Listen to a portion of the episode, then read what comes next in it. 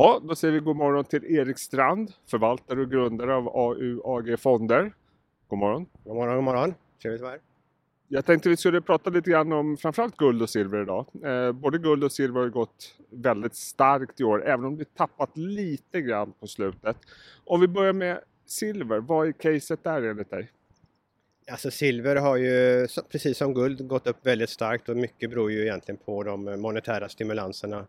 Federal Reserve, andra centralbanker som har gjort sitt plus att nu skuldsätter sig staterna ganska mycket med det som har hänt. Så att caset var ju starkt innan Corona och Covid kom eh, och nu blev det ju ännu starkare med tanke på alla krediter som skapas. Och hur mycket är det då som är prissatt? För nu har vi ju haft en uppgång och vi vet ungefär hur centralbankerna kommer agera framöver. Vad säger du om ett målpris för silvret? Ja, alltså innan sommaren så trodde jag att eh, bryter vi 19 för silver så, och förbi 21 så går det ganska snabbt mot 30.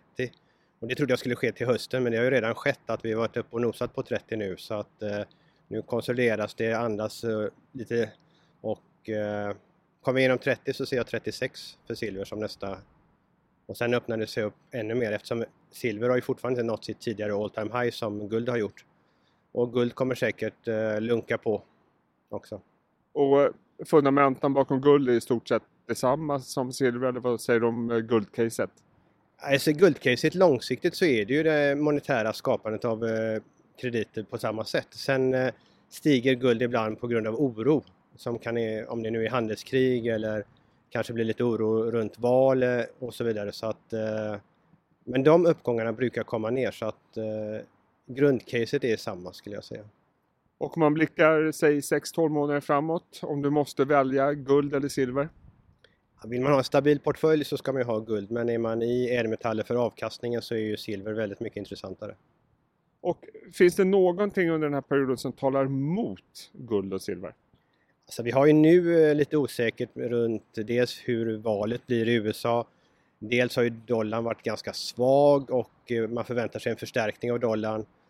Eh, får vi då en bred börsnedgång och dollarn stärks av det så kan det bli en motvind för guld och silver. Om man tittar då på portföljen Silver Bullet, som vi nu börjar vänja oss vid, vad är största innehavet? Vi har ju fyra innehav som är stora och de två största, eller de viktigaste av dem är egentligen First Majestic och eh, Pan American Silver. Och det är två fokuserade silver miners, det är det vi, vi vill ha och som är relativt stora också i eh, segmentet.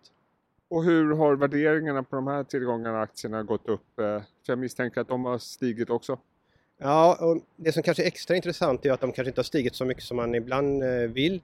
Men, och det beror ju på eh, coronakrisen eh, lockdown, man stängde ju en del gruvor. Priserna under kvartal två var inte så jättehöga heller på guld och silver.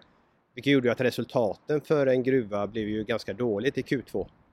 Alltså man har inte utvunnit någonting och priserna relativt låga.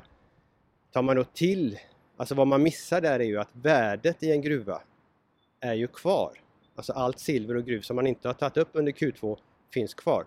Och det är det som gör det väldigt, väldigt intressant för Q3 nu med höga priser och eh, utökad utvinning så att säga för att ta ikapp det man missade under Q2. Så resultaten Q3, då tror jag att alla, även eh, datorerna kommer reagera och eh, priserna kommer stiga på bolagen extra mycket.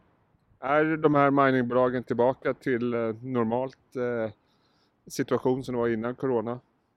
Ja, det ska man nog vilja säga. De flesta, det kan väl finnas några undantag, men eh, en del länder har ju även så att säga klassificerat dem som nationellt viktiga och därför är det att de fortsätter då. Så att, nu är det, skulle jag säga, full fart. Och kanske till och med överfart. En del försöker ju ta igen det de inte utvann.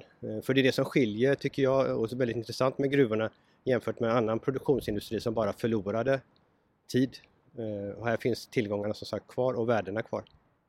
Och sen har du startat en ny fond i september. Det är AUAG Precious Green. Berätta lite om den.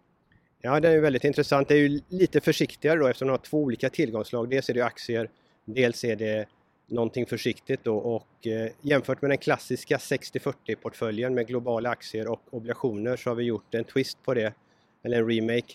Och där de här 60 procenten aktier är eh, fokuserade mot green tech och de 40 procent som annars är obligationer, där har vi 40 procent guld eller ädelmetall med fokus på guld eh, som defensiv del. Så att en eh, remake på det och eh, tittar man på aktierna eh, på Greentech så är de uppdelade i fyra olika sub, eller delstrategier. Eh, och det ena är då eh, att skapa grön energi, alltså solenergi till exempel. Eh, det andra är energilagring i batterier. Eh, det tredje är då att, eh, att hushålla med energi, alltså minskad förbrukning, återvinning. Och det fjärde benet är de metaller eller ämnen som behövs i grön teknik. Och det får man inte glömma att det är jätteviktigt och då är det ju litium och det går åt koppar och det går åt silver, alla de här ämnena och även vissa jordartsmetaller eller rare earth metals som man heter på engelska. Och kan du ge något exempel bland eh, de innehaven ni har? Alla bolagen är egentligen lika viktade och eh, de har vi lagt upp på hemsidan så de, alla är, de är på 3% i 20 bolag men uppdelade på fyra strategier. Så att, eh, men jag tycker ett bolag som sticker ut som är lite intressant heter Lynas och det är ett australiensiskt bolag. För det är det enda västerländska bolaget som tar fram Rare Earth Metals. Eh, och eh, Kina dominerar ju den marknaden totalt och kanske ett av Kinas starkaste vapen i handelskriget att eh, strypa tillgången på detta eftersom det är något som USA absolut behöver. Så USAs regering försöker då ihop med Lynas säkra tillgången eftersom det är det enda västerländska större bolaget inom det här viktiga området. Spännande. Erik Strand, tusen tack för att du tog dig tid. Tack.